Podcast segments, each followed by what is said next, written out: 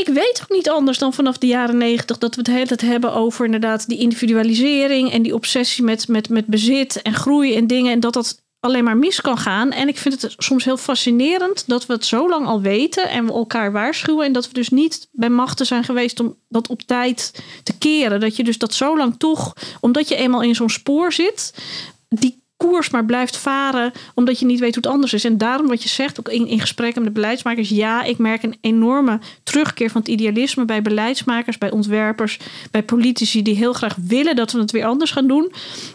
Maar ik proef ook heel veel soort van cynisme en een gevoel van inderdaad machteloosheid. Van ja, maar de dingen zijn nu eenmaal zo. Het kan niet meer anders. En, en dat wil ik. eh, Als ik één, één ding wil met mijn boeken, dan is het laten zien dat het anders kan. Dat de dingen die we nu hebben ook het gevolg zijn van onze eigen keuzes. Dus het is aan onszelf, als we het anders willen, om het echt anders te doen. En dan kan het echt. Nederland is rijk aan ideeën over hoe de samenleving duurzamer, inclusiever en rechtvaardig kan.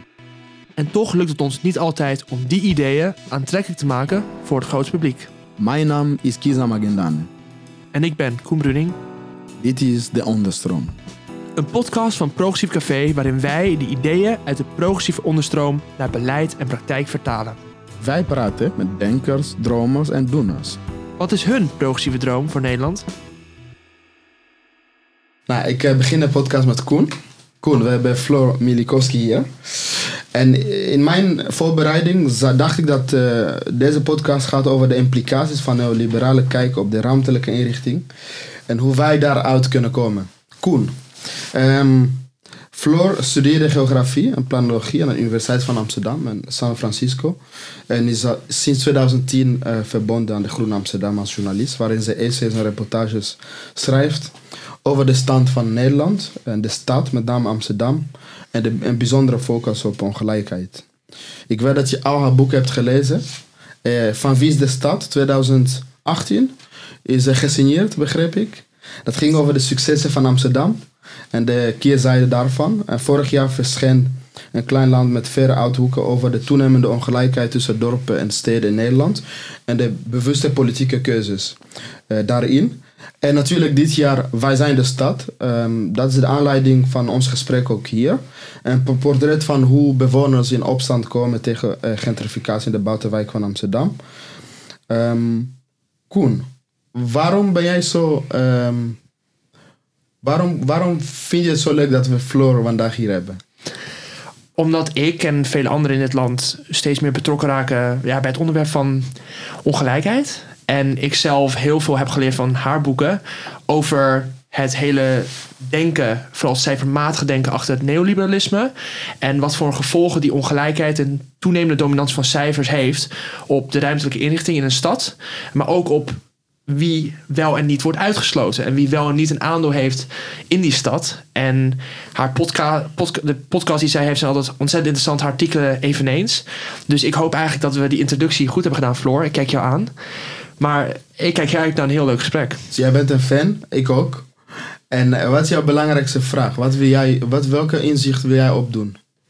Ik ben heel benieuwd hoe zij kijkt, natuurlijk aan de hand van het boekje Wij zijn de stad, naar die, naar die buitenwijken. En eigenlijk nog meer gegeven de trend die we zien. Natuurlijk ook in deze serie besproken over een dalende rente, toenemende huizenprijzen. Waar zij die mogelijkheden ziet om die trend tegen te gaan. En daarin te beginnen in die buitenwijken. En daar ook van daaruit hopelijk die, zoals zij het, eh, als ik het goed citeer, heeft over het toch openbreken van die, van die ministeries, het openbreken van die gemeentes. Om ervoor te zorgen dat die meer open worden naar wat burgers willen. Dat daar een gezonde manier van participatie ontstaat. En niet een participatie zoals we ook zullen bespreken, waarin de burger eigenlijk uitgenodigd wordt, maar eigenlijk al het gevoel heeft dat er van tevoren dingen besloten zijn. En eigenlijk helemaal geen aandeel hebben in waar die stad naartoe gaat. En dus ook geen aandeel in de toekomst van de stad en de toekomst van het land. Floor, eh, we zijn heel blij dat je hier bent. Zou jij, want we beginnen meteen heel inhoudelijk. Zou jij willen reflecteren op wat eh, Koen zojuist eh? Ja, ehm, nou ja, mooi om te horen sowieso dat, dat mijn werk gewaardeerd wordt. Want ik doe dit echt heel erg oprecht. Om, natuurlijk heel erg omdat ik het leuk vind. Maar ook omdat ik echt een bijdrage wil leveren in, aan het debat over de toekomst van Amsterdam. En toekomst van steden, de toekomst van Nederland. Omdat ik vaak vind dat ehm, het beleid dat gevoerd wordt te weinig eh, gevoerd wordt op basis van goede kennis. Uh, en dat is ook een van de redenen dat ik begon met uh, voor de Groene Amsterdam daar heel veel over Amsterdam schrijven. Op een gegeven moment kwam ik erachter dat de dingen die op, ik opschreef en die ik wist, dat de mensen die aan de knoppen zitten, dat die dat niet wisten. En dat vond ik best wel een schok eigenlijk. Uh, omdat het allemaal zo ingewikkeld ook niet is om te weten. Maar ja, politici en beleidsmakers hebben andere alledaagse taken dan. Um, uh, cijfers en uh, door, doorvroeten en, uh, en op reportage gaan en goed om zich heen kijken. Um, dus ik vond het he heel fijn om te ontdekken dat ik daarin echt een waardevolle rol kon hebben. Um, en wat ik inderdaad van Wie is de Stad, dat inderdaad in 2018 verscheen, wat ik daar heel mooi vond om te kunnen doen, is om te laten zien dat de grote trends en ontwikkelingen die schuil gaan achter de alledaagse veranderingen die je in een stad als Amsterdam ziet. Hè. Dus mensen zagen allemaal heus wel dat er steeds meer toeristen waren, dat de huizenprijzen stegen, dat corporatiewoningen verkocht werden. Uh, dat er steeds meer grote internationale ketens in de binnenstad te vinden waren. Maar mensen hebben niet zo goed door. Uh, ze wisten ook wel dat er grote veranderingen op, op gewoon uh, internationaal niveau plaatsvonden. Maar mensen kunnen vaak niet zo goed die directe relatie leggen tussen inderdaad wat ze in de krant lezen over een globaliserende economie, opkomst van massatoerisme, het, het, verdwijnen van handelsbarrières, neoliberale of, of privatisering en liberalisering op de woningmarkt. Dat lezen ze allemaal in de krant, maar ze vinden het heel moeilijk om de link te leggen van wat dat betekent dat dan in mijn straat, in mijn huis, in mijn leven, in mijn stad, in mijn land? Hoe ziet dat eruit? En dat probeer ik in mijn werk uh, heel erg te doen. En ik probeer gewoon altijd heel erg een ander perspectief te bieden uh, dan een beetje het dominante perspectief dat elke dag gehanteerd wordt. Ja, nou laten we dat doen. Reflecteren over jouw aanpak en jouw engagement. Want je bent in die zin een geëngageerde journalist. En om daarna wat dieper in te gaan op gentrificatie. En om vervolgens na te denken over uh, alternatieven. Um, want je, je het ook aan over um, van wie is de stad.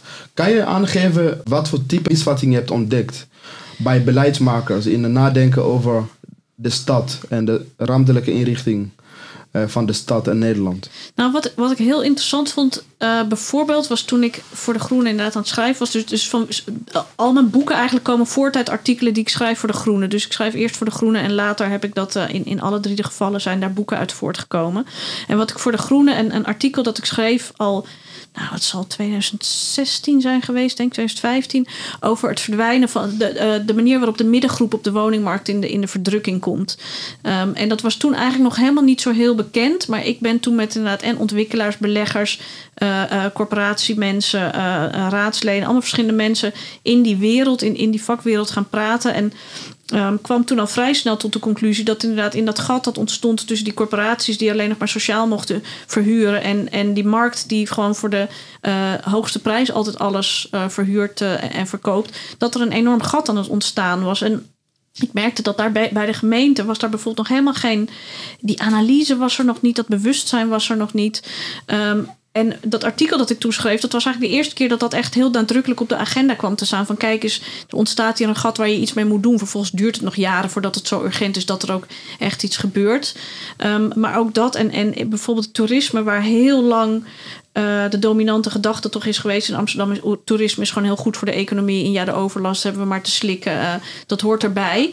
Uh, wat ik heb willen laten zien is dat, dat ten eerste uh, de inkomsten uit toerisme vaak echt schromelijk overschat worden. Echt ernstig overschat worden. Ja, ja. Um, uh, en, en tegelijkertijd dat inderdaad de kosten op allerlei manieren, dus zowel gewoon de, de financiële kosten door inderdaad onderhoud en, en, en, en zorg en trams en weet ik wat allemaal, maar ook de maatschappelijke kosten die het, uh, de, de beschadiging van de leefbaarheid van de binnenstad uh, met zich meebrengt, ja. dat die ook gigantisch is. En het is vaak net het omdraaien, maar ook als je kijkt naar Nederland, een klein land met verre uithoeken, waarin ik heel erg inzoom op de enorme kloof die ontstaat tussen de kansarme en kansrijke delen van Nederland. Hè, dat we heel lang hebben gedacht, als we vol in inzetten op de ontwikkeling van de meest kansrijke delen van Nederland. Dus uh, de Randstad en de Brainport-regio Eindhoven. Dan komt dat ten goede aan alle Nederlanders, aan heel Nederland. En ik laat heel duidelijk zien dat er uh, allemaal gebieden zijn waar het juist allemaal veel minder is geworden. Uh, krimpgebieden en, en ook niet krimpgebieden waar het gewoon heel moeizaam gaat. En dat het succes van de ene plek in het land heel erg ten koste gaat van de andere plek. En dat moet je weten om goed beleid te kunnen voeren. En je kan wel, en er is heel lang gezegd, nou, het valt wel mee. Uiteindelijk kijk maar naar de lijstjes. En er worden altijd gemiddeldes genomen van hoe supergoed het gaat met Nederland en hoe gaaf land we zijn. Maar als je dan vervolgens inderdaad die, die succesvolle plekken en die niet succesvolle plekken naast elkaar legt, dan zie je dat er een enorm verschil is en dat dan een gemiddelde eigenlijk helemaal niets zegt. Ja. Zit daar een bepaalde gedeelde, barometer is niet het juiste woord, maar een bepaalde gedeelde eh gemene deler in, in dat wij, en dat hebben we ook besproken in deze serie met Katelijne Akkermans over dak- en thuisloosheid, dat je systematisch vanuit ministeries, gemeentes, ambtenaren ziet dat er heel veel kennis is over het wat. Namelijk ze weten wat. Maar ze weten misschien minder betreft praktische zaken. Weten hoe. En dat start, neem ik aan, dat heb jij vast en zeker ook in je werk ontdekt. Aan de grond. In krimpgebieden, in de buitenwijken. Waar je ziet wat de effecten zijn van de theorieën. Ja, ja nee, en het is, dat is ook soms het gekke. Dat, ja, je gaat ergens naartoe, je rijdt naar Delfzijl of je rijdt naar Emmen of je rijdt naar eh, eh, eh, Hoornhuizen of, of, of naar Sittard-Geleen. En je hoeft niet zo eh, heel lang daar door te brengen en met heel veel mensen te spreken om toch al te zien wat er daar mis is. En het is natuurlijk echt pijnlijk om te zien als je kijkt dat inderdaad dat het geld dat tegen de kaders klotst in Amsterdam. En natuurlijk is dat minder nu door het wegvallende inkomsten eh, in coronatijd, mede door toerisme. En natuurlijk heeft elke gemeente nu problemen door corona. Iedereen heeft problemen, of alle overheidslagen hebben problemen financieel met corona. Maar toch, als je kijkt de rijkdom, het type steentjes dat alleen al wordt gebruikt eh, bij, bij herstructurering van straten. En als je dan inderdaad in Heerlen of in, in Geleen gaat kijken, in Sittard, wat daar gewoon echt de uitholling van zo'n stad ziet, gewoon op alle niveaus. En dan bedenkt dat, dat een stad als Heerlen 100 jaar geleden een van de rijkste steden van het land was. Het is gewoon oprecht pijnlijk. En het feit dat je alleen maar naar spreadsheets kijkt en wel de feiten en de cijfers misschien op een rijtje hebt, maar gewoon niet wil gaan kijken of niet weet wat het gewoon ja, op dagelijks niveau voor een mensenleven in een mensenleven betekent. Ja, dat vind ik echt kwalijk. En, en, en dat is ook. eh, ik vind dat de politiek en beleidsmakers die moeten zich het echt aanrekenen dat ze niet begrijpen wat voor boosheid en onvrede er op bepaalde plekken in het land heerst. En wat je vaak hoort, dat het dan onvermijdelijk is. En van de, eh, de, eh, aspecten die je bekritiseert ook, de onvermijdelijkheid. Ja, Dat, dat, is, dat staat uiteindelijk... Nou, als ik ook even koppelt aan wat je zegt, en ook jouw analyse, dat het er meer een eh, consumptieplek is in plaats van dat mensen kunnen produceren en zich onderdeel van de stad worden. In hoeverre zijn dit soort eh, processen onvermijdelijk? Omdat je dan vaker hoort van, ja, het hoort er eenmaal bij. Ja, nee, het hoort er niet. Ja, kijk, er, is altijd, er zijn bepaalde soort van relatief organische ontwikkelingen en er is beleid. En dat verhoudt zich altijd op een bepaalde manier tot elkaar. Je kan met beleid bepaalde organische ontwikkelingen heel hard tegengaan. Of je kan ze stimuleren of je kan daar een balans in proberen te vinden. En de trek naar de stad, naar een aantal specifieke, succesvolle, vaak universiteitssteden, dat is een wereldwijde ontwikkeling geweest de afgelopen decennia. Ik bedoel, of nou Amsterdam is of, of Utrecht of de stad Groningen. Of, of Londen, Parijs, New York, San Francisco, eh, Berlijn. Ik bedoel, je hebt gewoon een specifiek type stad dat in deze tijd heel succesvol is, omdat dat motoren zijn geworden, knooppunten van die kenniseconomie. En dat is iets wat mensen zelf gewoon zijn gaan doen. Die zijn vanuit het platteland naar een specifiek type stad eh, getrokken. Maar dat hebben we ook versterkt door beleid. Dus die ontwikkeling, daar hebben we volop ingezet om dat te faciliteren. Kan je dat uitleggen? Hoe hebben wij, want historisch gezien klopt die analyse dat stad uiteindelijk mensen trekt. Ja, nou we hebben Welke rol heeft beleid gespeeld Nou. om dat proces te, misschien te verergeren of te... Ja, te stimuleren. Ja, we hebben in, in de decennia na de Tweede Wereldoorlog is er vanuit Den Haag heel bewust gestimuleerd of eh, ingezet op het versterken van de kansarme delen van het land. Dus juist niet die universiteitssteden. Dus plekken als Zuid-Limburg en Noordoost-Groningen en, en Zuidoost-Drenthe met Emmen. Die zijn heel bewust gestimuleerd met geld en subsidies en beleid eh, vanuit Den Haag. Met het idee, we willen een stad, een land zijn waarin overal gelijke kansen, gelijke welvaart, gelijke mogelijkheden zijn. En toen, vanaf eind jaren 70, begin jaren 80, is er een omslag gemaakt eh, in het beleid vanaf Lubbers. Ehm, en dat was natuurlijk ook een, hele trend in de westerse wereld. Hè, om, om, juist om in die, in die globaliserende economie als nationale economie goed te kunnen concurreren, is er heel bewust voor gekozen om niet meer in te zetten op het versterken van de kansarme delen van het land, maar om in te zetten op het versterken van die kansrijke delen van het land. Dus toen is er vol ingezet op groei van Schiphol en, en Amsterdam als stad, een groei van eh, Rotterdamse haven met de Tweede Maasvlakte en, en, en een groei van de grote steden, eh, het, het, het eh, creëren van betere infrastructuur tussen de grote steden. En ook eh, de aanleg van de hogesnelheidslijn Zuid. Dus Amsterdam-Rotterdam verbinden met de trein eh, met Parijs, Brussel, eh, Antwerpen. Ehm, en dat Schiphol moest ook inderdaad Nederland heel erg verknopen met die internationale nieuwe economische netwerken. Dus daar is helemaal vol op ingezet. En het geld is eigenlijk weggehaald en de aandacht uit plekken als Zuidoost-Drenthe, Noordoost-Groningen en Zuid-Limburg, waar in die periode daarvoor juist heel erg geïnvesteerd werd. Dus je ziet dat Dat geld is gewoon van de ene plek naar de andere plek verplaatst. Um, en daardoor zie je inderdaad onwijs opwaartse spiraal op een plek als, als Amsterdam of Utrecht of inderdaad Groningen stad. Waardoor die organische ontwikkeling, dus die trek naar de stad, al uh, enorme groei ontstond. Gestimuleerd door ook nog eens overheidsbeleid dat dat versterkt heeft. Hè. Um, en ze zie je een enorme opwaartse spiraal op dat soort plekken. Die zijn goed verknoopt met internationale economische netwerken. Trekken veel kenniswerkers, veel buitenlandse studenten, veel mensen uit het eigen land, uit de eigen regio. Begrijp je de rechtvaardiging? Motivatie van beleidsmaker toen der tijd? Ja, dat was ja. Beleid? Nou, ik begrijp het wel, want het ging toen echt best wel slecht met de Nederlandse economie eind jaren 70. En, en Nederland modderde heel erg in de omslag van een uh, industriële economie naar een diensteneconomie. Dat ging langzaam, ook omdat wij zo'n stevig opgetuigde uh, sociaal vangnet uh, hadden, waarin dat met, met pensioenen en arbeidszekerheid en weet ik wat allemaal. Daardoor was het ook moeilijker om die omslag te maken. In andere landen ging dat al sneller. En toen is er op verzoek van uh, Dries van Acht, dus de voorganger van Lubbers, is er toen een adviescommissie in het leven geroepen. Uh, onder leiding van Gerrit Wagner, van de voormalig CEO van Shell. Van wat moeten wij met onze economie in die snel globaliserende internationale economie, waarin concurrentie centraal komt te staan. Hè? Ook het wegvallen van, van Europese grenzen was daarin heel belangrijk. Wij moesten ineens gaan concurreren met alle landen om ons heen. Uh, en toen heeft Gerrit Wagner gezegd, uh, op basis van, van het onderzoek uit, uit, uit, met zijn commissie, heeft hij gezegd: Don't back the losers, but pick the winners. Dus als we willen blijven concurreren, als we onszelf een positie, een stevige positie willen uh, over, uh, winnen, zeg maar, in die in de internationale economie, dan moeten we vol gaan inzetten op. Dat die, waren de letterlijke woorden ook. Dat waren de letterlijke woorden. En het idee was dan ook vaak dat als dan al dat geld, middelen en daarmee ook eigenlijk en dat zien ze, hebben ze wellicht niet goed gezien, sociale mobiliteit en kansen richting die steden trekken, dat dat via een bepaald trickle-down gedachte, en dat benoem jij in Wij zijn de stad, waarbij als je de stad stimuleert dat de buitenwijken daar ook van zouden profiteren, of als er rijkere mensen in een buurt komen wonen, dan profiteert iedereen daarvan dat dat ook eigenlijk op landelijk niveau meegenomen werd, die, die conclusie. Ja, ja, er werd echt.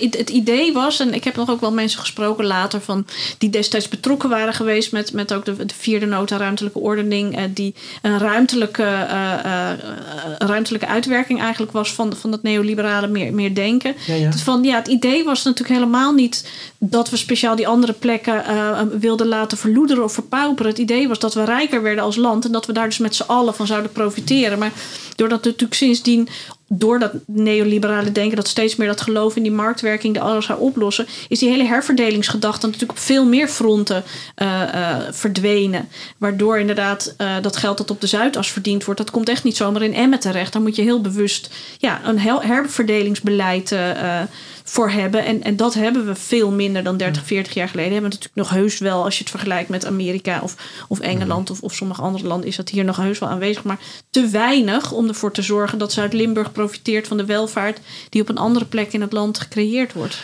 Je zegt ook in Wij zijn de stad dat alle zichtbare en onzichtbare netwerken en lijntjes in een gemeenschap oplossen. Vanaf het moment dat een buurt gesloopt wordt, zoals de Jacob Geelbuurt, als ik het, als ik het goed heb. Uh, die analogie kunnen we ook weer trekken naar de Tweebosbuurt in Rotterdam. In het boek Evicted van Matthew Desmond heeft hij het ook over hoe housing en huisvesting een van de meest basic psychologische basis zijn voor mensen om van daaruit verder te werken en een leven te bouwen. Heb jij het gevoel dat die onzichtbare lijntjes en het negeren daarvan um, en ik, ik ben op zoek naar, naar wat, ik wil, wat ik wil vragen. Dus heel erg zoeken. We sowieso meenemen in het laatste deel van de stad. Ja, als het gaat om het belang van gemeenschappen. Want we zijn nu nog bezig met de probleemanalyse. Maar misschien is dat ook een moment om te praten over gentrificatie. Want dus de trickle-down kwam niet omdat jij zegt... er waren, er waren geen uh, beleid... we, we, we waren te blind en de politiek heeft eigenlijk geen herverdelingsbeleid. Want je zou kunnen zeggen, het succes is wel gelukt... Maar de overheid was daar afwezig. Ja. Kan ik het goed samenvatten? ja, vat, ik het goed zo samen? Je vat het goed samen. En wat natuurlijk heel interessant erin is ook dat er ergens een soort van idee ook in ons geslopen is op een gegeven moment. Dat, en, en dat was ook. En ik, ik, soms vraag ik mezelf af van hoe sterk was. Want soms kan je het helemaal niet helemaal meer van jezelf terughalen. Hoe je dacht tien jaar geleden wel een beetje, maar niet helemaal natuurlijk.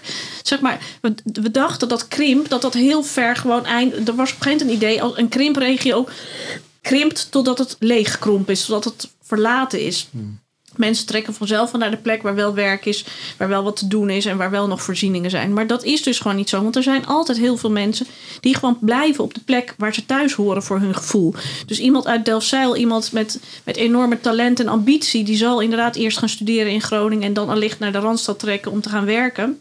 Maar de gemiddelde Delftzeiler zal in Delftzeil of uh, in de regio van Delftzijl blijven. Die trekt niet naar de meest kansrijke delen van het land. Want dat zit gewoon niet in de gemiddelde mens. De verhuisbeweging, daar zijn onwijs mooie kaartjes ook als van. Dus daarin zijn wij ook echt anders dan, dan een land als Amerika, waar mensen veel meer bereid zijn om achter hun werk aan te verhuizen. Mensen verhuizen, geloof ik, over het algemeen nooit verder dan 30 kilometer van waar ze vandaan komen, van waar ze geboren worden. Dus het idee dat inderdaad krimp eindeloos zou doorzetten, dat was gewoon een misvatting. En dat betekent dat er allemaal plekken zijn waar heel veel mensen gewoon nog wonen, waarvan we niet zo goed meer wisten wat we daar eigenlijk mee aan moesten. Want we dachten, die krimp doet zijn werk wel. En dan houdt het op of zo. Ik weet ook niet meer zo goed wat we dachten. En in tweede boek analyseer dit ook uitvoerig. Ik, ik ben benieuwd of dit een beetje doordringt. Want vergeleken met Amerika en België natuurlijk, uh, vinden wij die reisafstanden bijvoorbeeld heel belangrijk. We willen niet te ver wonen van ons werk. Uh, denk je dat wij inmiddels dat doorhebben dat er uiteindelijk een grens is aan krimpen?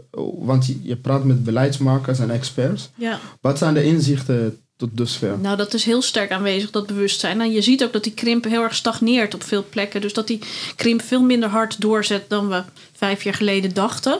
Omdat er toch inderdaad um, de prijzen in de grote steden zijn zo hoog dat je daar ook niet meer tussen komt vanuit Delfzijl bij wijze van spreken.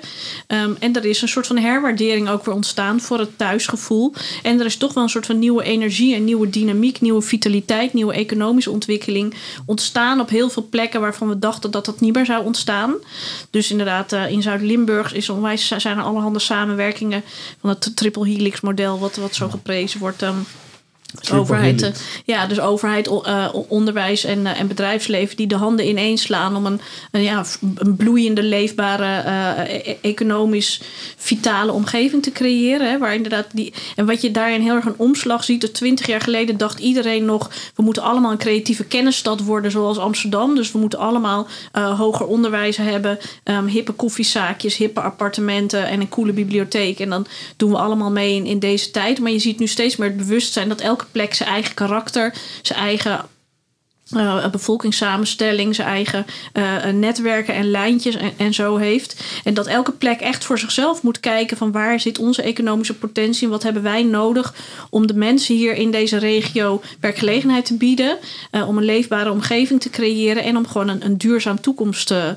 ja, daarin te ontwikkelen. En, en het mooie is wel om te zien dat dat ik vind die dynamiek en die energie en die ambitie en die, dat enthousiasme dat je nu merkt op veel plekken waar tien jaar geleden, vijf jaar geleden echt een ja, soort van apathisch gevoel van eh, we weten niet meer waar het heen moet. Uh, dat is echt omgeslagen.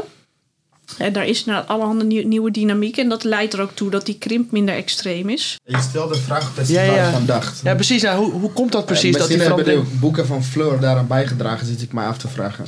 Dus die, die inzicht naar dat triple helix model. Wat eigenlijk wat jij nu aangeeft is een beetje kritiek op de klassieke gentrificatie.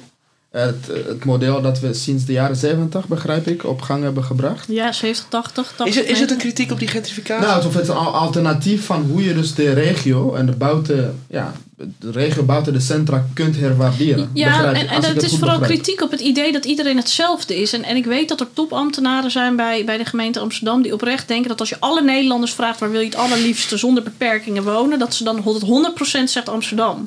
En die gedachte dat iedereen hetzelfde wil, namelijk wonen in de meest succesvolle stad van het land, dat is natuurlijk een, dat is een heel vreemde misvatting die we toch op een of andere manier deels zijn gaan geloven. Terwijl natuurlijk uh, al ligt 90% of 80% van de Nederlanders op geen enkele manier de ambitie heeft om in Amsterdam te wonen. En elk mens is verschillend. En elk mens heeft behoefte aan een andere woonomgeving, aan een andere levensstijl. Um, en wonen in de regio, wonen op een plek waar je gehecht bent of gewoon in een plek. De ene wil in een dorp in de middle of nowhere wonen en de andere wil in bruisende stad en de andere wil weer iets anders. Dus ik denk dat vooral die herwaardering van, de, van het verschil van de mens en van het verschil van plekken en, het, en, en inderdaad wat fijn dat er zoveel verschillende plekken zijn, dat dat, dat, dat wel echt. Uh, dus dat, dat vind ik, dat heb ik ook wel echt willen laten zien. En ik, ik schrijf ook in een klein land met verre uithoeken dat ik. Ik weet niet of ik daar, dat daar inschrijf, maar ik weet het nog heel goed. De eerste keer dat ik voor De Groene een stuk over krimp schreef. Ik was gewoon oprecht heel nieuwsgierig. Het was 2010 of 2011. En ik ging naar Noordoost-Groningen, naar, naar Loppersum... waar toen nog niet die Ja, aardbevingproblematiek ja, zo extreem was. En ik wist alleen maar krimp. Dus ik dacht ellende, doffe ellende, lelijkheid en, en, en verschrikking. En ik kwam eraan en het is daar zo mooi. En, en eh, Erik Wong, die daar vanuit Amsterdam naar, naar Noord-Groningen verhuisd is... die verwoordde het heel mooi. Die zei, het is zo'n geen vreemde misvatting... dat mensen doen alsof 1 plus 1 is 2. En dat is dus beter, dat 2 beter is dan 1. Maar het is alleen meer dan 1. Maar het is niet een, eh, betekent niet dat het mooier is. Dus krimplekken kunnen heel mooi zijn. En als je daar op een goede manier in investeert... kan je de mensen die daar wonen, die daar willen blijven wonen... kan je gewoon een toekomst bieden. En ik, ik, ik verzet me echt tegen de obsessie met iedereen moet naar Amsterdam komen. Want dat is gewoon, daar wordt niemand gelukkig van. Wat voor een mensbeeld en idee van economische waarde ligt daaronder? Ik heb er wel een idee van, maar ik kan me voorstellen dat jij daar heel veel gedachten over hebt. In beleid. Eh, Wat voor mensbeeld en economische wa- waarde zit daarin? Ja, het, het idee denk ik toch dat inderdaad een bepaalde soort van financieel succes, economisch succes is, is status, is goed. Is, ja, ik, ik heb altijd zo'n apenrotsgevoel. eh begin je er dan kom je toch ook- dan Ik krijgen. heb kom je het dus- ene woord ook eh, gehoord, eh, neoliberalisme, jouw analyse. Wat die, die, ka- als ik het... eh, ja? Ja, ik- ik- even kijken, want da- wat je, maar dan kom je dus ook eerder tot de conclusie, want jij hebt het over het herwaarderen van verschil. Dat gaat dus ook over het idee dat elk mens een ander idee van welzijn heeft. Je hebt het ook in je boekje over die transitie van een welvaart naar een welzijnseconomie.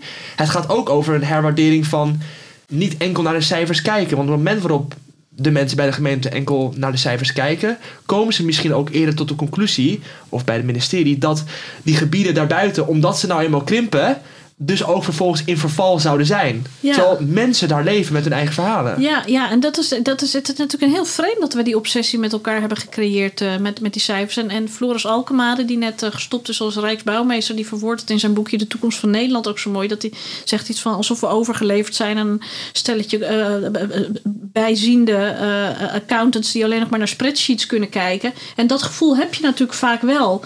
En dat je denkt, maar wat is een mensenleven waard? En dat, dat, wat is een, wat houdt een leven in? En dat schreef ik ook in de Groene. Dat uiteindelijk hoeft het niet zoveel te zijn. Een fijne omgeving, mensen met wie je gewoon een praatje kan maken, met wie je fijn kan leven, je boodschappen kunnen doen, naar je school of naar werk gaan, een, veilige omgeving.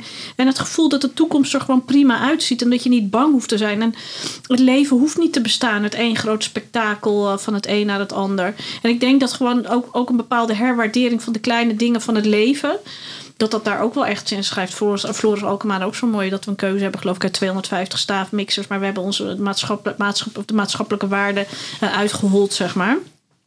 Ja, dat, dat, dat is natuurlijk al een algeheel. En corona heeft dat wel versterkt. Het bewustzijn dat alsmaar meer, groter, spectaculairder niet altijd gelukkig maakt. En, en de, de opkomst van die hele, die hele brede welvaart in het debat. Hè, want ik bedoel ook uh, Planbureau voor de Leefomgeving en, en Rabo Research doen daar heel actief. En dat zie je steeds meer. Mm -hmm. Ik denk dat dat heel veel zegt over het feit dat we er met elkaar wel achter zijn gekomen dat die cijfers een heel eenzijdig beeld van de werkelijkheid zijn. Is er ook een bepaald idealisme uit de overheid geslopen? Want ik hoor vaak over de woningwet aan het begin van de 20e eeuw, als ik het goed heb. Daar stond echt, daar, was, daar, daar sprak idealisme uit. Van ja. we, we, willen zoveel huizen gaan bouwen. En we hebben een ideaal dat mensen bij elkaar gaan wonen over dagen heen. Ja, ik weet niet of je dat ook herkent in gesprekken met gemeenten, ambtenaren. En ook misschien in je onderzoek naar de, de, de volkshuisdingnota's. De vierde ja, ja. volgens mij van, van 1990. Dat daar een idealisme uitgeslopen is. Ja, en in de Finex, dus de laatste nota die we hebben gemaakt, de vierde nota extra, vierde nota ruimtelijke ordening extra, zat heel duidelijk het idealisme van het eigen woningbezit. Dus we hebben heel lang het idealisme gehad van betaalbaar, uh, gelijkwaardig wonen. Um, en daar zat honderd jaar geleden veel meer ook een, een idealisme van kwaliteit, hè, met, met, met licht, lucht en ruimte. En de mooie jaren dertig bouw komt echt voort uit een ideaal van we moeten mensen met ook met alle verschillende soorten inkomens mooie woningen kunnen bieden met licht, met ruimte, waar ze gewoon tot bloei kunnen komen. Um, en dat is op een gegeven moment in, in de periode van de wederopbouw... Is, is, is dat idee van betaalbaar wonen voor iedereen... met iets van licht, lucht en ruimte nog wel behouden. Maar dat zijn hele sobere, eenzijdige... we zitten hier ook in zo'n buurt... Uh, een moeilijke uh, functionele wijken geworden, zeg maar... met het modernisme. En toen kregen we het idee, het idealisme van het eigen woningbezit... en de, en de vrije keuze Waardoor we heel bewust uh, vanaf die vierde nota ruimtelijke ordening extra, vanaf begin jaren negentig, die Phoenixwijken, daar is heel bewust gekozen voor dat mensen ineens woonconsument werden. Hè, dus ze mochten zelf een woning kopen konden dus vermogen en bezit opbouwen en hadden ook meer vrije keuze in waar ze dan wel en niet uh, wilden wonen. En dat is steeds verder doorgegaan, het idealisme van het eigen bezit, van het eigen individu, uh, van de eigen ontplooiing en dat soort dingen. En we zijn op een gegeven moment, ik vind het soms zo fascinerend. Ik las de, ik las de kersttoespraak, ja, ik las het kersttoespraak van Beatrix uit 1992, 1992, waarin het alleen maar ook ging ja, over. Dat ik geboren was. Ja, nou, een mooi jaar. Uh, waarin uh, zij ook schrijft een samenleving die alleen maar in dienst staat van, van eigen belang, nut en economische dingen, weet ik veel wat, mm. is gedoemd om in te storten, zoiets of zoiets. En dat je denkt. Zo'n radicaal toekomstbeeld uh, heeft ze geschetst. En ik weet ook niet anders dan vanaf de jaren negentig dat we het hele tijd hebben over inderdaad die individualisering en die obsessie met, met, met bezit en groei en dingen. En dat dat alleen maar mis kan gaan. En ik vind het soms heel fascinerend dat we het zo lang al weten en we elkaar waarschuwen. En dat we dus niet bij machten zijn geweest om dat op tijd te keren. Dat je dus dat zo lang toch, omdat je eenmaal in zo'n spoor zit, die koers maar blijft varen, omdat je niet weet hoe het anders is. En daarom wat je zegt, ook in, in gesprekken met de beleidsmakers, ja, ik merk een enorme terugkeer van het idealisme bij beleidsmakers, bij ontwerpers, bij politici die heel graag willen dat we het weer anders gaan doen. Maar ik proef ook heel veel soort van cynisme en een gevoel van inderdaad machteloosheid. Van ja, maar de dingen zijn nu eenmaal zo. Het kan niet meer anders. En, en dat wil ik, eh, als ik één, één ding wil met mijn boeken, dan is het laten zien dat het anders kan. Dat de dingen die we nu hebben ook het gevolg zijn van onze eigen keuzes. Dus het is aan onszelf, als we het anders willen, om het echt anders te doen. En dan kan het echt. Ook ja, uh, Koen, dat ja, is sorry, een ik, mooie... praat, ik praat door jou heen, Kisa. Ik praat door jou heen. Uh, Toch? Nee hoor. Nee, nee, maar ik wilde echt heel mooi, heel mooi nog iets Dit is toevoegen. een mooie aansla uh, bruggetje naar de, het nieuwe boek van uh, Floor. Ook om na te denken over de oplos oplossingen. Want uh, in het boek haal je ook de assets-based, de zes principes. Ik moet even naar mijn notities kijken. Asset-based community, community development. development. kan je ons daarin mennen? Want je, citeert ook uitgebreid natuurlijk. Is het ook een, wat je nu heel mooi zegt, dat het boek ons kan inspireren om anders na te denken. Maar misschien is het goed om te beginnen bij die zes bouwstenen van een vitale gemeenschap als basis. Om, om althans de komende minuten verder te dromen over hoe het anders kan.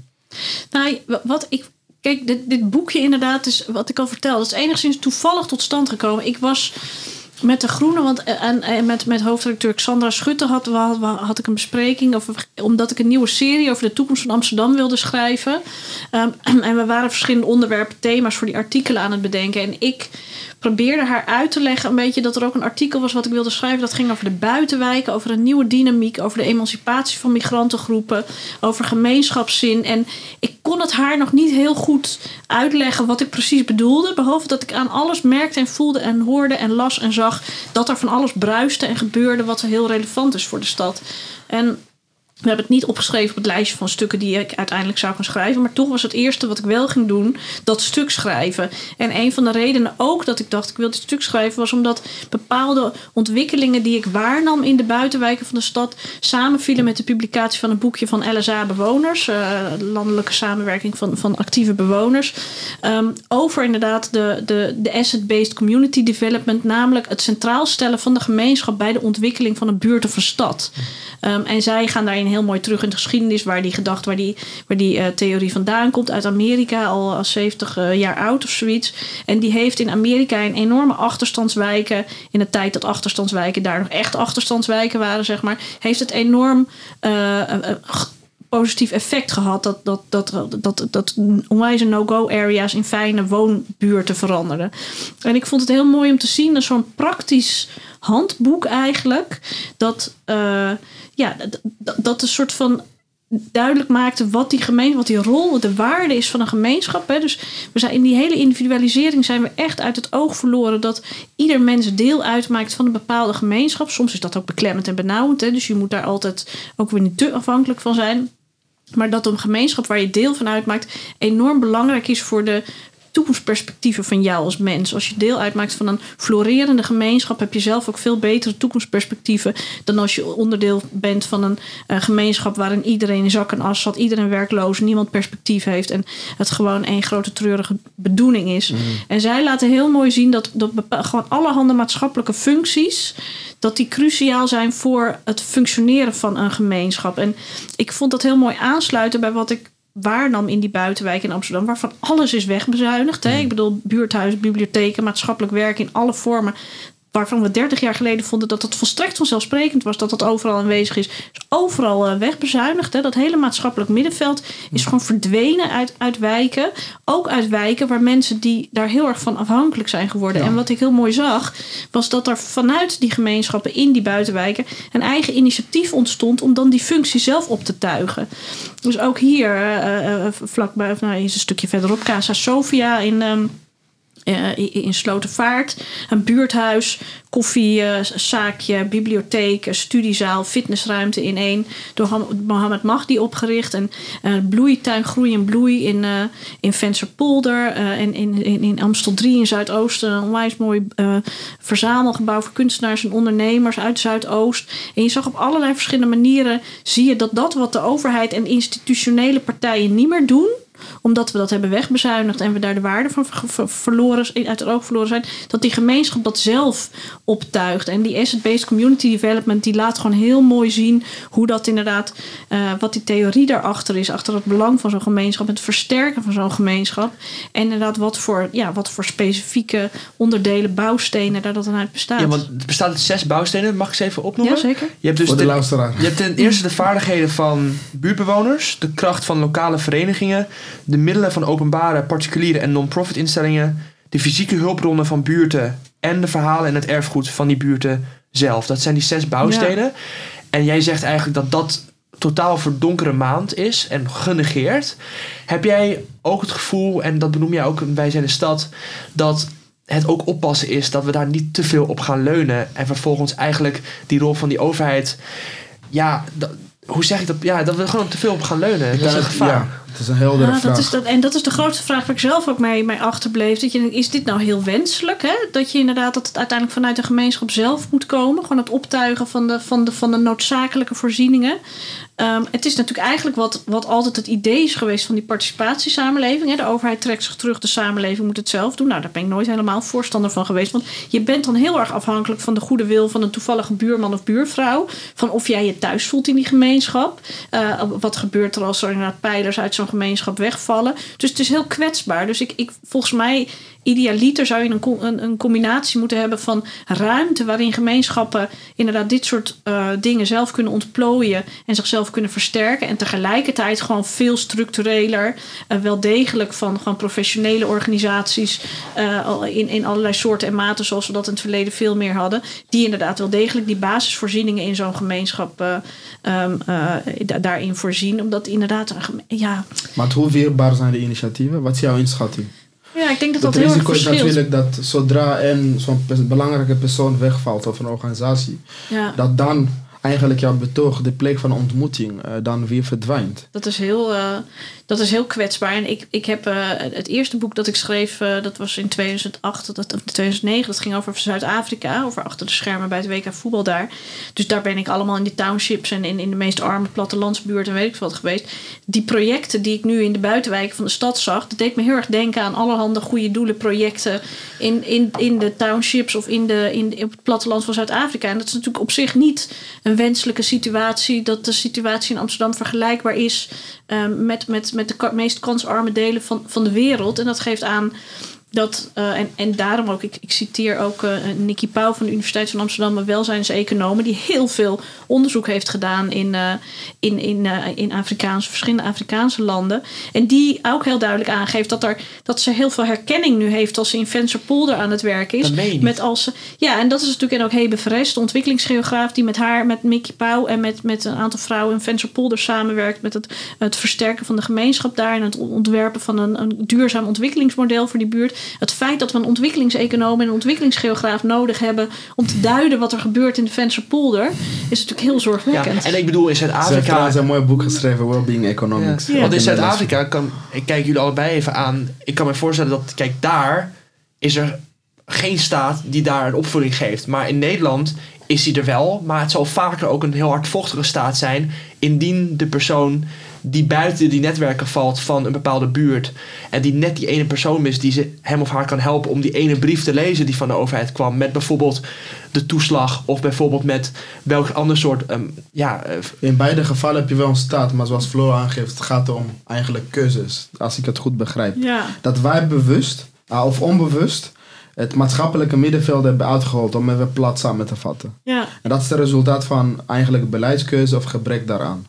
Ja, we actieve beleidskeuzes, absoluut. Ik bedoel, we hebben Actief zelfs. Ja, ja, we hebben, ik bedoel, het hele idee van efficiëntie en, en rendement en, en wat is de economische waarde van sociaal werk. Dat je denkt, ja, als je inderdaad daaraan gaat beginnen, dan blijft er natuurlijk niet zo heel veel meer over. En inderdaad, ja, een bibliotheek heb je er wel drie in een buurt nodig als je er ook één iets grotere eh, kan doen. En, en zo kan je alles wegredeneren van wat is nou de werkelijke relevantie. En mijn collega Koen van de Ven had laatst in de Groene Amsterdam een heel mooi artikel waarin hij heel precies ook in beeld brengt het, het wegvallen van, van, van maatschappelijke voorzieningen, publieke voorzieningen, het verdwijnen van de overheid uit, uit die perifere regio's in Nederland. En dat geldt ook eh, gewoon in, in, in de steden. Alleen al in de, dus inderdaad bibliotheken, buurthuizen, werkgelegenheden, overheidskantoren, wat dan ook. Dat hebben we echt heel bewust gedaan vanuit het idee. Waarom zou het nodig zijn? We zijn een welvarend, succesvol land. Iedereen is digitaal eh, handig.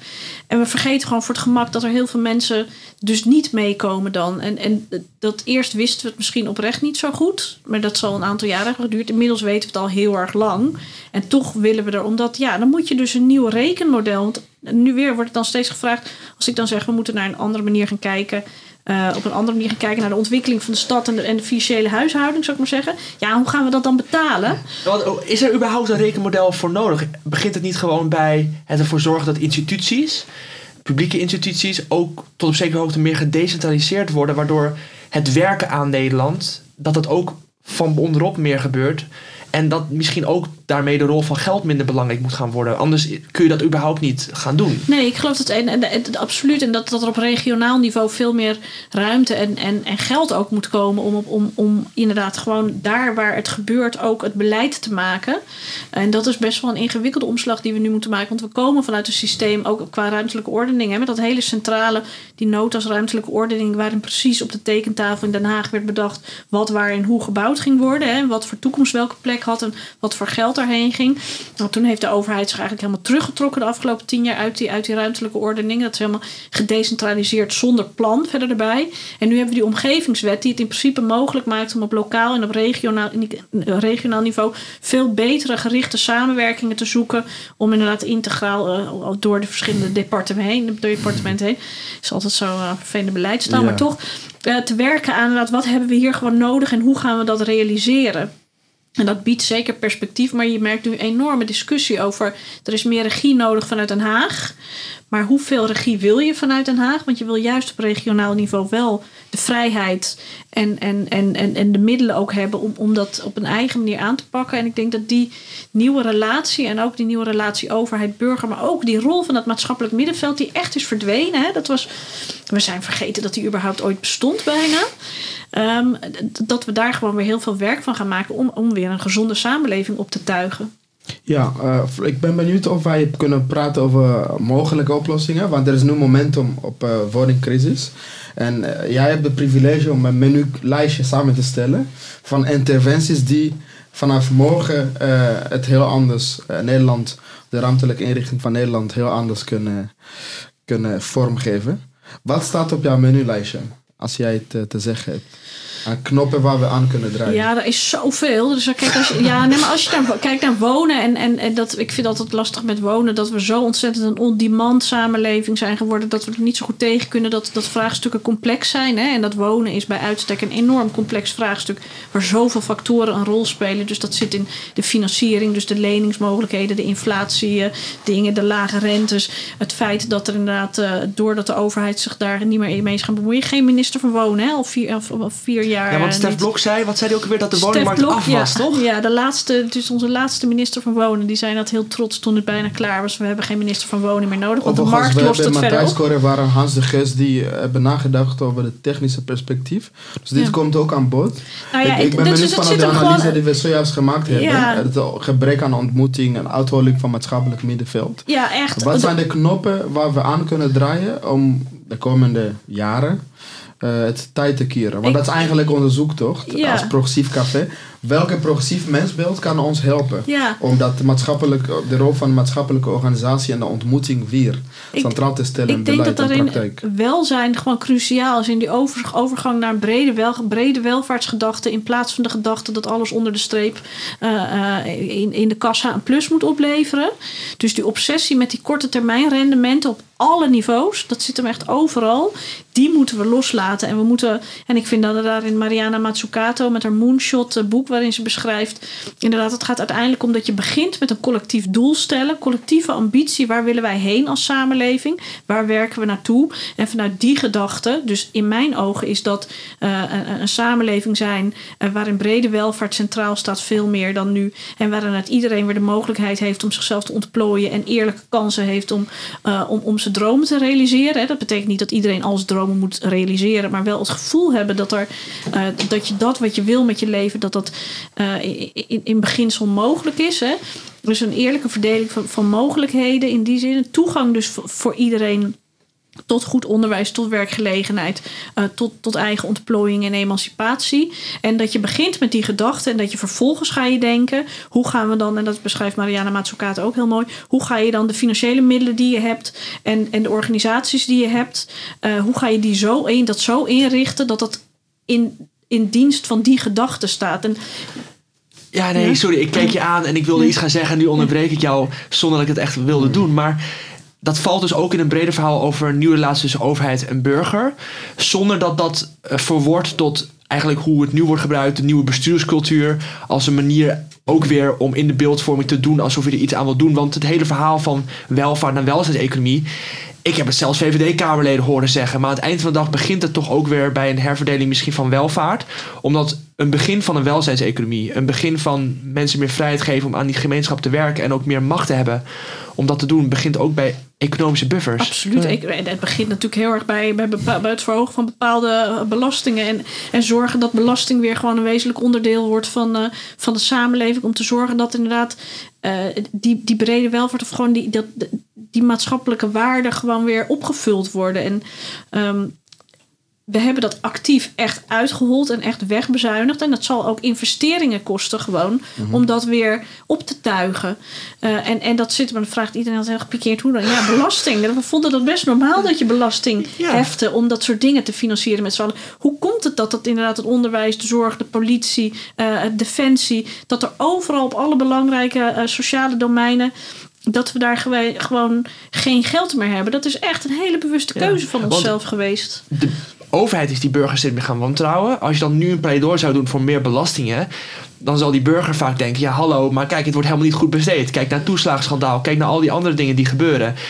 Als dus een progressieve partij of als je dus hier oplossingen voor zou gaan vinden, moet het dus ook gepaard gaan met een heel duidelijke inkadering van oké, we gaan dus een overheid creëren die misschien meer grip gaat hebben op zo'n eh, volkshuisvesting, die meer grip gaat krijgen op de overheid en meer aan planning en spreiding wil gaan doen. En dat is dan waarmee we die belastingen. Dat, daar is, dat is waarom we die belasting willen verhogen. Nou ja, dat is absoluut. Ik, het, het feit dat, dat het vertrouwen in de overheid zo extreem gekelderd is de afgelo- het afgelopen jaar, dat is natuurlijk echt schokkend. En, en in die zin ook dat je, je vraagt je ook steeds meer af, ja, als die overheid zich zo terugtrekt en inderdaad zo ontzettend niet in dienst staat van het welzijn van heel veel mensen, wat heb je dan eigenlijk? Wat is je relatie tot die overheid eigenlijk? En dan snap je ook dat mensen geen belasting willen gaan betalen. Maar als je inderdaad met elkaar tot een nieuwe toekomstvisie komt over hier willen we, wij als land heen en daar willen wij dus ook inderdaad belasting voor afdragen. En dan creëren we wel degelijk weer een gaaf land Ja. waar iedereen eh, zich op zijn plek en gehoord en gezien en erkend voelt. Ehm, dan is denk ik ook die bereidheid om eh, af te dragen. En het feit dat, dat zoveel.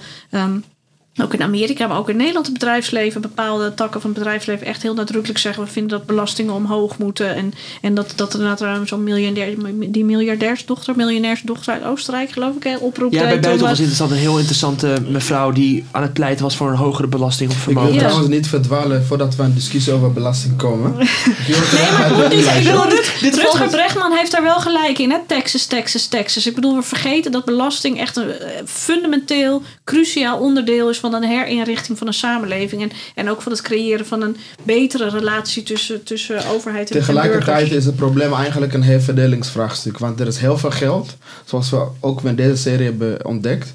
Maar de vraag is eigenlijk waar investeer je dat geld? Ga je dat subsidiëren kinderen van rijke mensen, zodat ze een woning kunnen krijgen? Of ga je andere beleidskeuzes maken? Jij zegt eigenlijk het kan anders.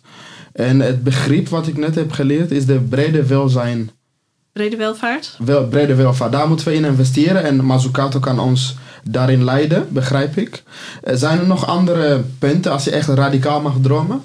Om weer terug naar een eh, volkshuisvesting, zoals de jaren 50? Ja, ik, ben, ik was als kind heel radicaal, maar ik heb geleerd om niet meer zo radicaal te zijn in die zin. Ehm, omdat ik geloof, ik weet niet hoeveel, of je heel radicaal moet zijn eh, om, om, om wezenlijk veranderen. Kijk, het, het erkennen van, van, van andere waardes, dus inderdaad Mhm. het versterken van gemeenschappen. En ik vind dat Nadja Awaki, die inderdaad een onwijs slimme vrouw, econoom, stadsstratege, zelfstandige, eh, die in Vensterpolder onder andere daar bezig is met, met het optuigen van een welzijnseconomie, een heel ander systeem van denken. Ehm, waarin inderdaad, en, en hoe meer je erover gaat nadenken, hoe interessanter die kwestie ook is. Want je hebt dan in Zuidoost bijvoorbeeld, dan komt er een masterplan Zuidoost. Dat is door de gemeente opgetuigd met grote institutionele partners. Een Randstad, Johan Cruijff Arena, eh, corporaties die werken oude- eigen kind, hoe heet het, Ou- ouder kind, eh, weet ik veel wat. Nou, ja, dat, dat soort, eh, die werken dan samen om Zuidoost te investeren in Zuidoost en daar eh, de, de leefomstandigheden te verbeteren. En er is dan bij de vrouwen in de Vensterpolder die al jaren bezig zijn met daar waar de overheid verdwenen is, daar die, samen, die, die gemeenschap toch te versterken met belangrijke welzijnswerk, zorg, jeugdwerk, weet ik veel wat allemaal. Hè. De vraag is dat als je dat geld dat je steekt in zo'n masterplan, als je dat nou steekt in die gemeenschap die er al is, in die mensen die daar al dragende functie, figuren zijn, hè, Ja. wat, wat levert dat dan op? En dat, ik vind dat zelf een hele interessante. De, de paniek bij gemeentes is meteen, ah, maar Maar hoezo dat zeker een hebben, hebben zij dan recht op dat geld? Dat je denkt, ja, dat is dus inderdaad een spannende gedachte. Hoezo hebben zij recht op dat geld? Ja, omdat zij die Jij zei dat je geen radicale idee hebt. Dus jij zegt eigenlijk, denk nou over waar je in investeert en wat je als samenleving waardeert. Ja, Maar dat het kan staat- ons ook heel- helpen in deze zoektocht, begrijp En ik. kijk jullie allebei aan. Het staat dus ook haaks op het idee van die meritocratie. Want als we ervan uitgaan dat de bestuurders je van... gaat weer in de analyse. Ja, dat is waar. Nee, maar ik, ik kom wel tot een punt hoor. Het staat haaks. Het is een vraag en een oplossingsrichting. Het staat haaks op die, op die meritocratie, omdat er weer vanuit wordt gegaan dat die bestuurders van die grote eh, organisaties het wel slimmer zouden doen dan de mensen onderop.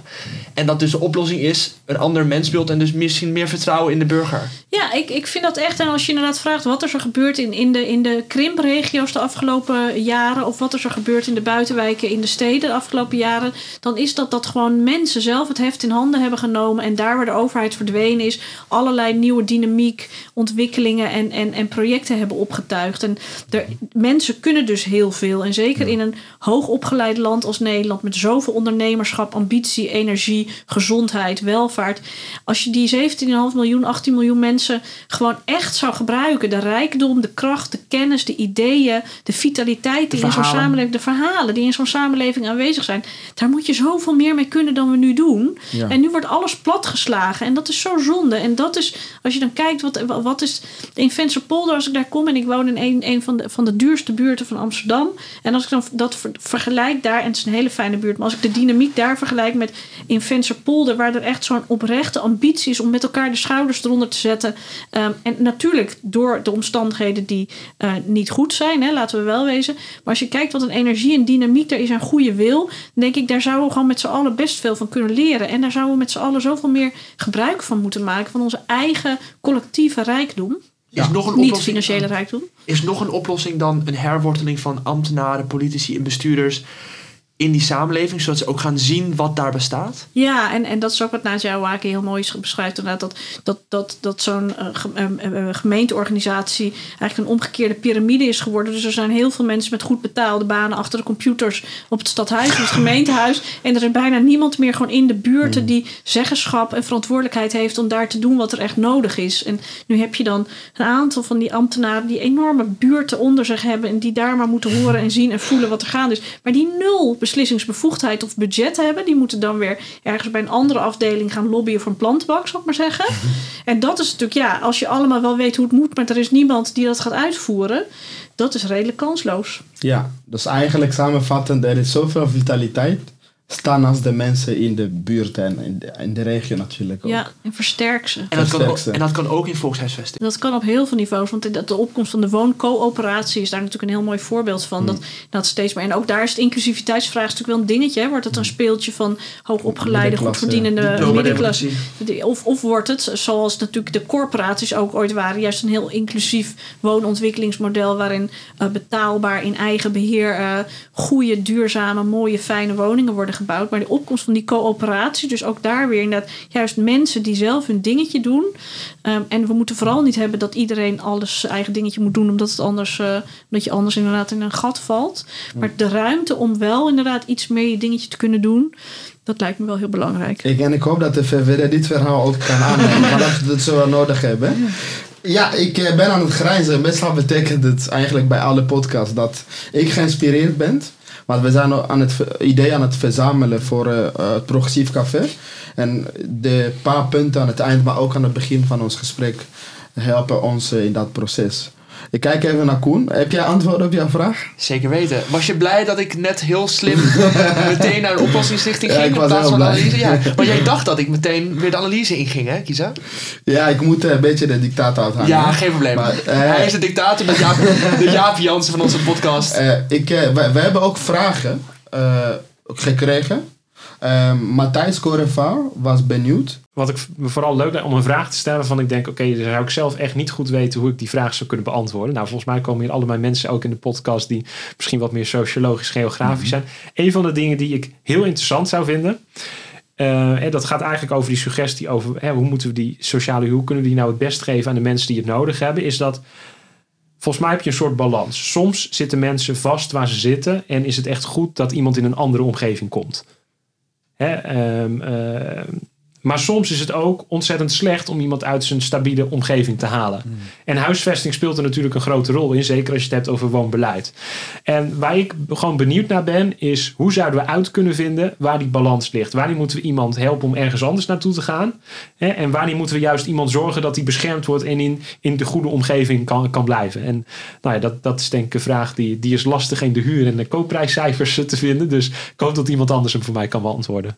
Ja, ik, ik denk dat het belangrijkste is dat je gewoon dat iedereen bewegingsvrijheid krijgt daarin in, in het wonen. En, en dat je daarin misschien helemaal niet hoeft af te vragen wanneer moet je iemand een zetje geven en wanneer niet. Als wel dat mensen de ruimte moeten hebben om als ze een, eh, een, een beweging willen maken, dat ze dat kunnen doen. Ehm, en in die zin geloof ik ook heel erg in, eh, in gemengde buurten met allerlei verschillende eh, sociale huur, middenhuur, dure huur, koop, sociale koopnoten desnoods. Zodat mensen binnen hun eigen woonomgeving, als ze dat willen, een, een stap kunnen maken. Vooruit of, of achteruit in prijzen. Eh, maar dat als ze naar een andere buurt willen of naar een, naar een andere stad of weet ik wat, dat die mogelijkheid er ook is. En nu is eigenlijk zowel de mogelijkheid om naar een andere stad te gaan, is er bijna niet als om in, binnen je eigen buurt te verhuizen, als in binnen je eigen stad te verhuizen. Ehm, dus gewoon een gezonde opbouw van verschillende typen woningen, zowel in omvang als in prijs. In iedere buurt, gewoon gemengde buurten, zoals we dat ooit heel logisch vonden. Eh, ik denk dat je dan die vraag al hebt opgelost. Veel mensen zitten dus knel, zoals je eigenlijk zegt. Mensen zitten heel erg knel. En, en we zitten zelf ook knel in het idee dat ehm, sociale huur alleen nog maar moet zijn voor de echte laagste inkomensgroepen. Eh, en we zitten knel eh, in, allerlei ideeën, op, ideeën, vastgeroeste ideeën over wonen. En, en ik geloof heel erg in dat, dat was in Amsterdam heel lang heel gewoon in Nederland. Met de corporaties, dat zie je in Wenen ook nog steeds heel sterk. Dat corporatiewoningen, sociale woningen, dat die ook beschikbaar moeten zijn. Juist voor mensen met een, met, met een middeninkomen. Zodat je juist gemengde wijken houdt. Want op het moment dat je alleen nog maar sociale huurwoningen in de wijk hebt. En die zijn alleen nog maar beschikbaar voor mensen met het laagste inkomen. En allerhande indicaties. Hè, dan krijg je dus enorme probleemwijken. En dan krijg je andere wijken waarin mensen niet eens meer weten dat er mensen met problemen zijn. Ehm, dus als je zorgt dat verschillende type woningen ook beschikbaar zijn voor verschillende type mensen met verschillende inkomens, dan kreeg je weer een veel gezondere, gemengdere buurt, een, een gemengde samenleving waarin mensen ook nog wel eens iemand Ja. tegenkomen Ja. die anders is dan zij. Dan gaan we nu de tweede vraag van Hans Op dat aspect is gentrificatie kan er positief uitpakken. Als je dit als doel voor ogen hebt. Ook om mensen uit de lage sociale klasse mee te trekken natuurlijk. Dat zou dan... Ja, maar, dan, maar, maar niet als, niet als volgens verdrongen. En dat is natuurlijk het idee van inderdaad kansarme mensen, mensen met een laag inkomen, dat daar ook mensen tussen gaan wonen met hogere inkomens. Dat is op zich natuurlijk een goed idee om, om, om inkomensgroepen te mengen. Maar dat gaat nu steeds ten koste van die lage inkomens. En wat wel heel leuk, Meisje de Boukari, die ook in mijn boek staat, dat is, iets wat zij zei, waar ik uit, wat uiteindelijk niet in het boek is gekomen. Zij zei, ik vind het echt prima dat ik hier mijn huis uit moet, maar waarom moet ik dan naar Osdorp en mag ik niet in Zuid gaan wonen? Dat vond ik een hele mooie, ik denk ja. Dat is natuurlijk, eh, vinden we inmiddels heel logisch, Dus je maar dat is eigenlijk helemaal niet logisch. kunnen gaan. Ja. Ja. Ja, ik zei Mooi. net al door jou heen van laten we naar de tweede vraag van Hans gaan. Of vroeg ik van gaan we nu de tweede ja. vraag? Zullen we die nu voor, Klinkt even goed. voor laten horen? Ja, dat is de volgende. Eh, ik weet toevallig dat het Floor Milikowski is, die eh, zich met ruimtelijke spreiding bezighoudt van, van activiteiten. Punt waar ik mee zit, en dat schrijf ik ook. Kijk, ik zeg, het gaat de woningmarkt vooral om de koopkrachtigheid van de vraag. Dus hoeveel kunnen we lenen? Maar wat natuurlijk niet helpt, is dat we, eh, ja, wel voor de economie, maar niet voor de woningmarkt, is dat er zo ontzettend veel kenniswerkers nu naar Amsterdam komen. Dat willen we graag, met name D66, hè, hippe start-ups, alle IT-bedrijven willen we graag hier hebben. Maakt de stad rijker. Ik vind het zelf ook leuk, diversiteit, ik hou ervan. Maar het zorgt wel voor een enorm probleem op de woningmarkt. En dat vind ik wel leuk voor Floor om over na te denken. Is het wenselijk in Europa dat er nog twee of drie groeikernen zijn? Noem maar wat. De Randstad, Frankfurt en eh, nou, Eindhoven, Brentport, ja, nou iets in het noorden of Parijs. Ik noem maar wat. Helsinki. ja. En dat Italië leegloopt. Ja. En dat Spanje leegloopt. Een brain drain. En vervolgens worden we heel boos op hun dat ze hun begroting niet op orde hebben. Omdat ze hun economie niet kunnen laten groeien. Dus ik denk dat ik haar antwoord wel weet. Maar ehm, ja, ik zou daar. Dus haar analyse, eh, misschien kan dat haar volgende boek worden. eh, uitbreiden over Europa. Van hoe zorg je voor verdeling. En ik weet het, veel mensen bij elkaar is goed voor de groei. Eh kenniswerkers bij elkaar is goed voor de groei. In de cijfers dan, want het creëert natuurlijk tegelijkertijd, gepaard met stijgende huisprijzen, misschien ook segregatie die sociaal Nee, gezien... dat zeker. Dus Ja. dat is het nadeel. En ik ben ook niet, eh, daarom ben ik ook, zie ik ook de goede kanten van gentrificatie. is weer een ander thema. Maar dat heeft hier wel mee te maken. Ja. Ik ben niet alleen maar tegen, ik hoef niet terug naar de jaren 50. Ik vind Amsterdam echt erop vooruit gegaan. Maar hoe doe je dat in Europees perspectief? En eh, dat is misschien leuker voor haar. Nee, dat, ik denk dat dat een van de grootste problemen van, die, eh, van die vrij, dat vrije eh, verkeer van mensen eh, is binnen, binnen de EU. Dat je inderdaad gewoon op dat Europese niveau, zoals je in Nederland en in een, sta- in een Amsterdam kansrijke delen en kansarme delen hebt. En dat de een in een, in een opwaartse spiraal zit en de ander in een neerwaartse spiraal. Zo heb je dat op EU-niveau ook. En dat is echt, dat leidt tot enorme verschraling inderdaad. Inderdaad, brain drain in. In bepaalde delen van Europa. En dat is denk ik iets waar we als EU echt mee.